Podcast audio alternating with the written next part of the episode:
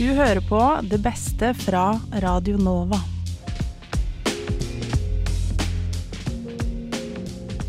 Hallo, hallo, og velkommen tilbake til Det beste fra Radio Nova. Podkasten der jeg, fagsjef Alexander, samler de mest minneverdige øyeblikkene fra våre sendinger den foregående uken, denne gangen fra uke 11. Vi skal som alltid innom fire høyst forskjellige klipp, så enten du vil bli underholdt, opplyst eller begge deler, er denne podkasten noe for deg. Så slapp av, lytt og nyt det beste fra radio. Vi starter denne ukens episode med å høre fra Vitenselskapets sending om Egypt, der Julianne tok for seg mumifisering som en form for spa-opplevelse. Hei, og velkommen til vår autentiske egyptiske mumifiseringsopplevelse. Du kan bare legge deg ned på bordet over her. Sånn, ja. Jeg tenker vi starter med lobotomien, så skal resten gå veldig smertefritt for seg. altså. Foretrekker du at jeg knuser hjernen din først, eller drar den ut med en krok? Perfekt. Kroken har vært et veldig populært alternativ i det siste. Da skal jeg bare dytte den inn i nesa di. Sånn her. Der, ja. Så bare drar jeg hjernen din ut av nesa. Så da er det veldig viktig at du ligger helt stille, slik at du kan bevare det pene ansiktet ditt. Voilà. Neste steg vil nå være å skjære et lite kutt på venstresiden av overkroppen din. Sånn her, tenker jeg. Så får vi fjernet alt av overflødige organer, altså alt annet enn hjertet ditt, da. Som de gamle egypterne mente var senteret til deg som person og intellektet ditt. Jeg tenker vi putter disse organene dine i små, søte glassbegre. De er veldig populære å dekorere med. Nå ser du så avslappet ut. Klar for neste steg? Da begynner vi uttørkningen. Her bruker jeg litt, eller egentlig ganske mye natron. Det kan du få kjøpt i gavebutikken vår hvis du har lyst til å prøve dette hjemme. Natron funker helt fantastisk for uttørkning. Så når du er helt tørr og fin, om ca. 35 dager, kommer jeg tilbake for å skylle ut overfladig natron. Og eventuelt legge inn litt fôr hvis du har noen innskrunkne områder. Mulig vi setter på noen falske øyne også, fordi der begynner det å se litt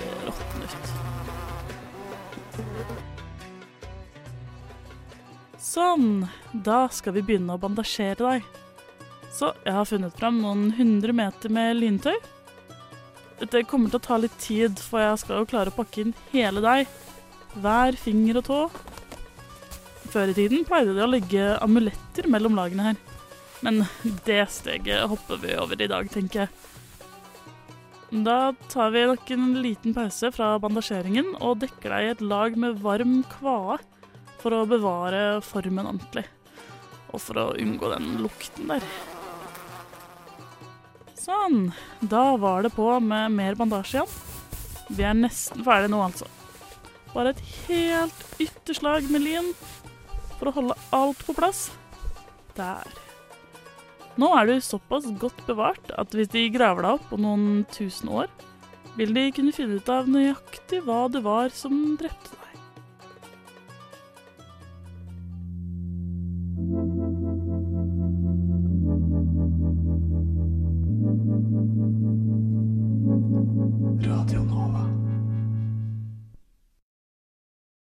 Der hørte vi fra Julianne fra Vitenselskapet, og fra en gammel tradisjon til en annen så skal vi videre til Frokost, som har laget sin egen versjon av en Disney Channel Original Series. Et fenomen som i hvert fall var en fast del av min hverdag i oppveksten. Vi skal lage kunst, og velkommen tilbake til eh, en episode av Disney Channel-serien Shally Shoe på nye eventyr.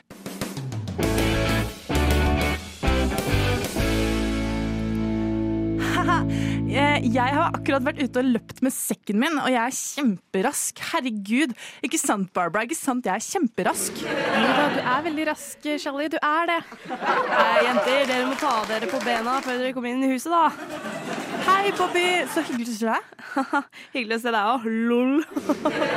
Onkel, hva har du gjort i dag? Nei, jeg har vært på bensinstasjonen og kjøpt meg en pølse. jeg elsker pølse, ass. Lol. Onkel? Dette, du er ikke min onkel. Men jeg er liker å kalle deg for onkel. Du er som en onkel for meg. ja, du er som en eh, nevø for meg. Lol. Det er veldig hyggelig at vi er som en stor familie. Det er veldig hyggelig. Har du, har du løpt eh, nok i dag? Ja, jeg prøvde å løpe litt, men så, eh, så Hva sier du? Jeg, jeg prøvde å løpe litt med sekken, men så Lol, ass. Men Barbara, skal vi gå inn på rommet?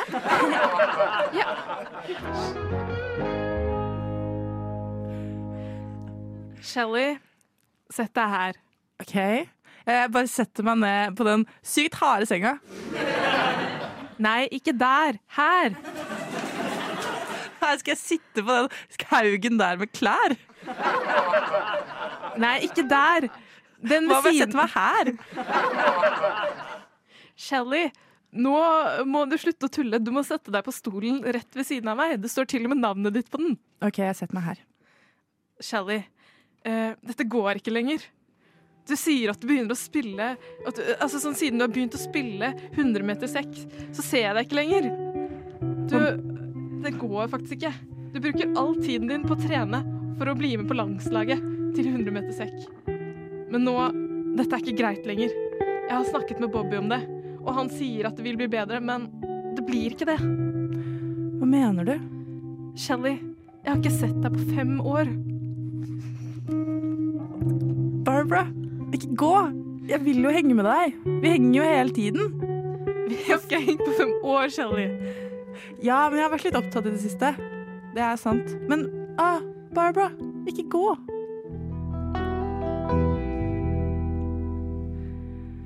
Onkel Bobby, jeg vet ikke hva jeg skal gjøre. Barbara bare gikk. Hva er det som, eh, som skjer, egentlig? Hun sa at vi aldri ser hverandre lenger. Hun er liksom sur for at vi ikke har hengt på fem år. Nei, nå, nå må vi gå og det- Dette skal vi fikse opp i. Eh, jeg må eh, gå og hente, hente Barbara. Barbara? Ja, Ja, du må komme tilbake. men jeg klarer ikke å være venn med Shelly lenger. Jeg blir bare skuffet. Kom, nå går vi inn igjen i huset. Ja. Der er dere. Kan vi snakke sammen? Ja, dette må vi snakke sammen. Se på dere, da. Dere må være gode venner. Dere har jo vært bestevenner for alltid. Og Shelly, hvem var det som hjalp deg da ankelen din var forstua og du ikke kunne løpe på to og en halv uke? Hvem kledde seg ut som deg og løp i mesterskapet for at du ikke skulle bli diska? Barbara. Ja, og Barbara, hvem var det som hjalp deg da du var forelska i Freddy i parallellklassen? Vel, det var jo egentlig Toppmagasinet. Ja, men det var mest Shelly, da. Ja. Ja. Dere er jo bestevenner! Lol! Støtt hverandre, da! Ja, vi er jo det. Vi er jo det. Dere er jo det.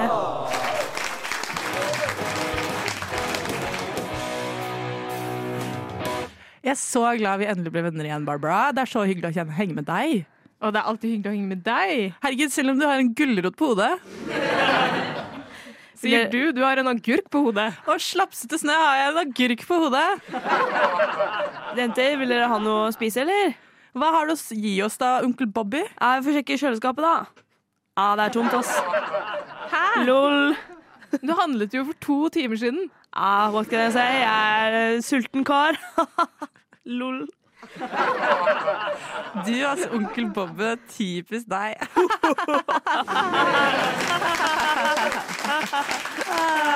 Radio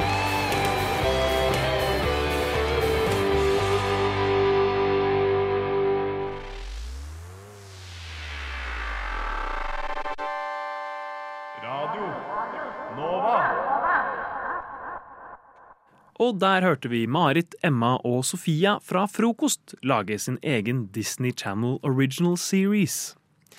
Noe annet som er originalt, er gjengen i radiotjenesten. Og nå skal vi høre hvordan det gikk da Åsmund skulle lage Flåklypa-inspirerte introduksjoner til sine medverter. Dere, jeg har forberedt noe til eh, denne gangen her, denne episoden. Eh, og det har seg slik at eh, jeg har blitt veldig veldig interessert i uh, Flåklypa-universet. Altså universet til eh, ja, forfatteren Kjell Aukrust. Han er en eh, meget god humorist, og jeg har på en måte oppdaget han nå i det siste. Jeg syns at skildringene hans er så fantastiske og så tilfeldige. Preach. Ja, ikke sant? så jeg tenkte sånn, hvorfor kan ikke jeg bare lage mine egne sånne persongallerier? Og hvem skal jeg lage det på? Jeg tenkte at jeg skulle lage det på dere. Oi. Så her kommer en uh, Kjell Aukrust-aktig beskrivelse av dere i studio. Julia, Knut Peder, Joakim, Olivia og Henrik. Herregud, så Og meg nydelig. selv. ok? Herlig. Nå er jeg spent. Jeg gleder meg. Jeg gruer meg litt også. Nå har jeg ikke hørt altså Bare vit at det er både ting som er veldig sant, og kanskje ikke fullt så sant. eh, og, eh, og at, eh, så så bare, bare si ifra hvis det blir litt for mye. eh, Ja, ja. Da kan vi kutte opp Vi kan kutte i det etterkant. Da. Så, okay. Så da sier jeg bare snurr Flåklypa-musikk. Ja, ja, ja, vi er så heldige å få med oss noen fine folk her i dag i studio. Ah, la oss begynne med Joakim Kosarewski, unnfanget rett etter modulasjonen i Kenny Rogers' What About Me, og har siden hatt sterk FOMO. Han beskriver seg selv som melaninrik og har arrangert spleiselag på angrepille en rekke ganger. Oi! Det er jo Ross! Det er Ross! Det roast! Han knakk håndleddet på Rakfiskfestivalen 2022, som har gitt flere konsekvenser. Han har revurdert kunsten å vinke, lært tegnespråk halvveis og blitt ultra høyrehendt.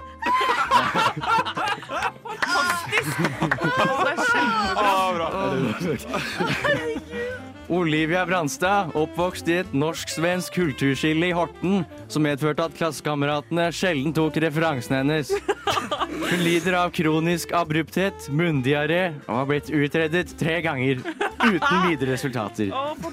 Hun ble overgira og deretter sengeliggendes fra Eurovision Song Contest slutt og ut måneden. Knut Peder Gransæter. Uforberedt pønsket frem under et improshow på Hurum 1999. Man kan ofte se han gående rundt med sekk med selvkalibrert kamerastativ og kameraoptikken innstrammet for å tåle hans intense engasjement. Ja, det stemmer. Han er prekjendis, revyskuespiller og TikTok-baron. Skrore baron. Tusen takk. Tusen takk. Det er så deilig at du tok med kamerastyret, ass. Fy faen. Julia Muggerud, programleder og sendingsansvarlig med teknisk sertifisering med hyppig bruk av blazer. Hun er journalist i P4 og konverserer titt og ofte med Norges humorprofiler. Sommeren 2022 snublet hun i sin egen mikrofonledning.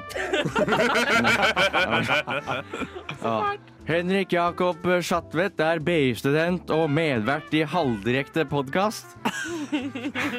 Han er aktiv humorist på diverse klubber i Oslo og spiller på følelser i et band med studiekamerater. Han er klassifisert ukyndig på fjernstyrt radiobil, induksjonsovn og heklepinner. Han har deltatt mange ganger på Stabekk bacalaofest. Nei, jeg vet ikke. Nå er spent på deg, jeg, Åsmund. nå Veldig spent på deg. Ja. meg. Skal jeg gjøre. Åsmund Eriksen, født i et ekkokammer i 2001, og har siden sagt alle ting tre ganger. Han er komposisjonsstudent og fikk i militærtjeneste pådratt seg skjev fot og synhold i låret etter vedlikehold på bukselomma. Ble ranet og deretter deltatt som frivillig på en rekke Interpuls minimalismekonserter, der han transporterte slagverk i varebil med egen stroppeteknikk. Ja, det er helt rått, ass. Ja, det var så nydelig, Åsmund. Tusen takk til deg. Og tusen takk for at du eh, klarer å se oss eh, for de menneskene vi er. Det er fint å få litt sånn Ja, få det rett i fleisen, da. Vil ha det i Tinder-bioen min. Noen Ja. skal lage Stabekk bacalaofestival. Det er jo ikke noe å lure på. Hadde vært nydelig. Ja, fy Tusen takk. faen.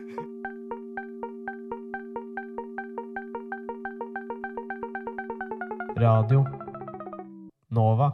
Det var altså radiotjenesten og Åsmunds Flåklypa-inspirerte persongalleri.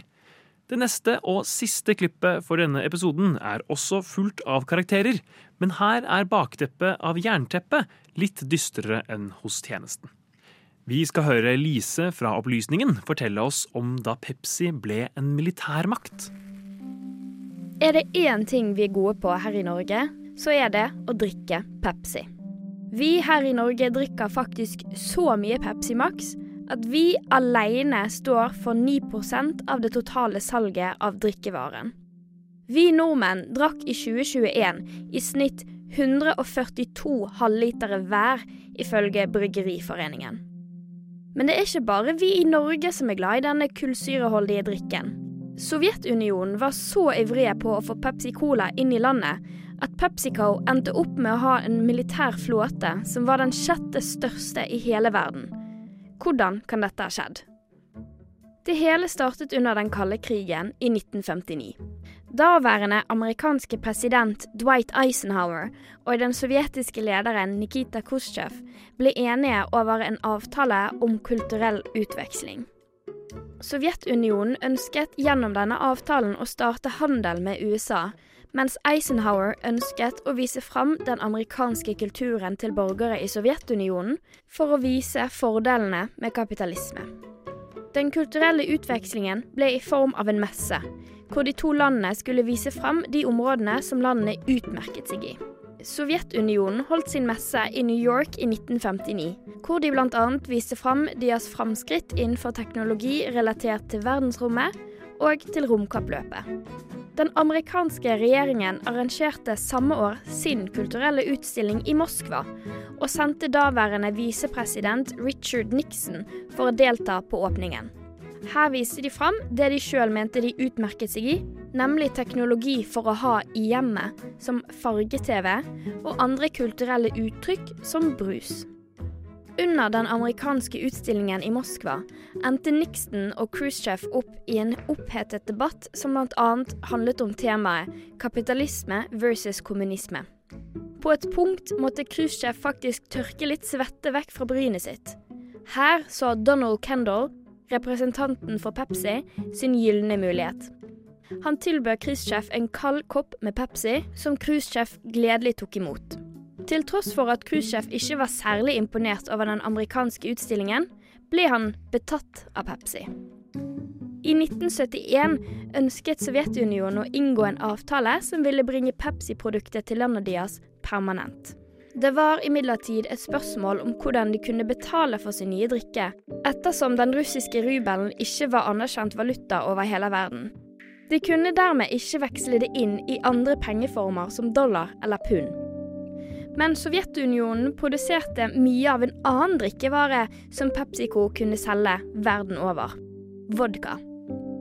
Sovjetunionen ga PepsiCo rettighetene for distribusjonen av vodkamerket Stolitsjnaja. Da denne avtalen var spikret, ble Pepsi det første vestlige produktet for salg i Sovjetunionen. Denne handelsavtalen holdt i 20 år. Men på et punkt innså PepsiCo at salget av vodka ikke lenger gjorde opp for mengden Pepsi som ble drukket i Sovjetunionen. Det var tid for en ny handelsavtale. Så i 1989 endte sovjeterne opp med å byttehandle til seg Pepsi ved å gi selskapet PepsiCo en flåte med ubåter og militært fartøy. Denne avtalen inkluderte 17 ubåter, en krysser, en fregatt og en destroyer. Den kombinerte flåten hadde en verdi av 3 milliarder dollar. Denne historiske handelsavtalen førte til at Pepsi ble det sjette mektigste militæret i verden. Men det var bare en kort periode. PepsiCo solgte flåten videre til et svenskt selskap som skrapte den for gjenvinning av materialet. Sjefen for PepsiCo skal i etterkant av denne handelsavtalen angivelig ha sagt til Brent Scowcroft, president George H.W. Bush sin nasjonale sikkerhetsrådgiver, at Pepsi er flinkere til å avvæpne Sovjet enn den amerikanske regjeringen. Så neste gang du åpner en halvlitersflaske med Pepsi, husk det er et lite stykke historie du har i hånden din. Reporter i denne saken var Lise Benus. Musikken er hentet fra Blue Dot Sessions. Radio Nå.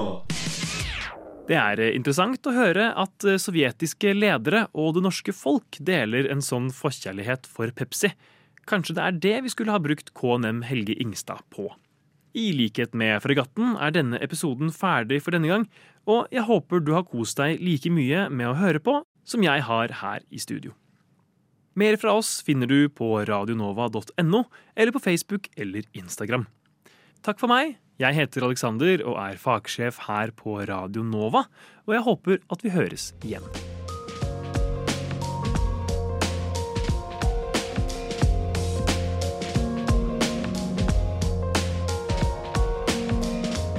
Du har hørt på en podkast fra Radio Nova. Finn flere podkaster på din foretrukne podkastavspiller eller radionova.no.